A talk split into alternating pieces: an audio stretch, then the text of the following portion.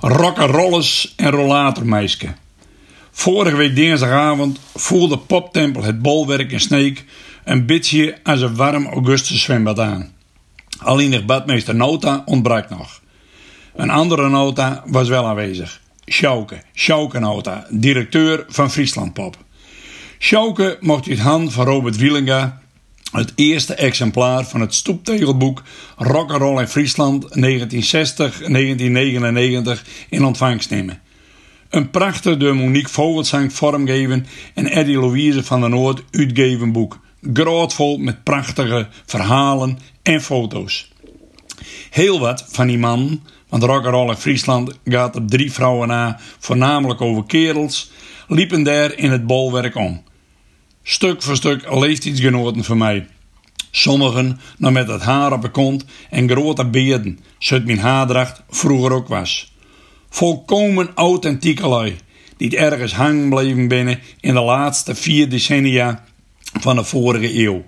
Stiekem, nou nee, stiekem niet eens, ik zeg het hier gewoon, bewonder ik die lui. Heel vaak binnen het ruwe bolsterblanke pitmensen. Dat komt ook wel naar voren in de 42 interviews met de rockers. Zijn parade van oude rockers heeft ook wel wat mankelieks. Het leven dat als suikersaan door je vingers gliert. Dat gevoel. Onder het genot van bier en bitterballen doken de rockers die dinsdagavonds verdadelijks in het boek.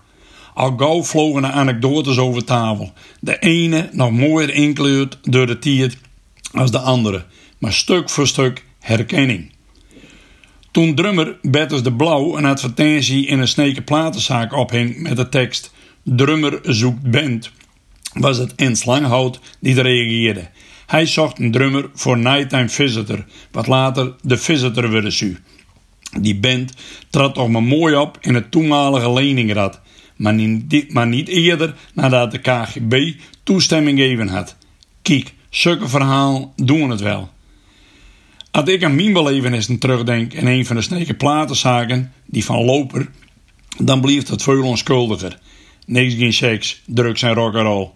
Te garen met wieberen luisterde ik LP's die het een bloedmooi meisje en hield het weer even verder zetten, zodat je een volgend nummer van de Golden Earring luisteren kon.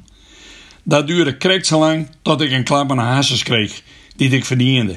Ik brulde tegen wieberen dat ik het wel een lekkere meid vond helemaal vergeten dat we de koptelefoons op hadden. Wieberen vroeg, wat zeist? En ik herhaalde het nog luider. En toen kwam die klap. Nog eens terecht ook. Ze praten hier niet over vrouwen. Toen niet en nou niet. Dat soort verhalen, maar nog veel mooier, staan in rock'n'roll in Friesland. Ik heb de neiging om anekdotes uit het boek te citeren, maar ik doe het niet. Zelf maar lezen. Aves, toen ik in de novemberregen naar huis fietste, dacht ik nog wel even aan het lopermeisje. Suze al achter een rollator lopen, zij had er de leeftijd wel voor.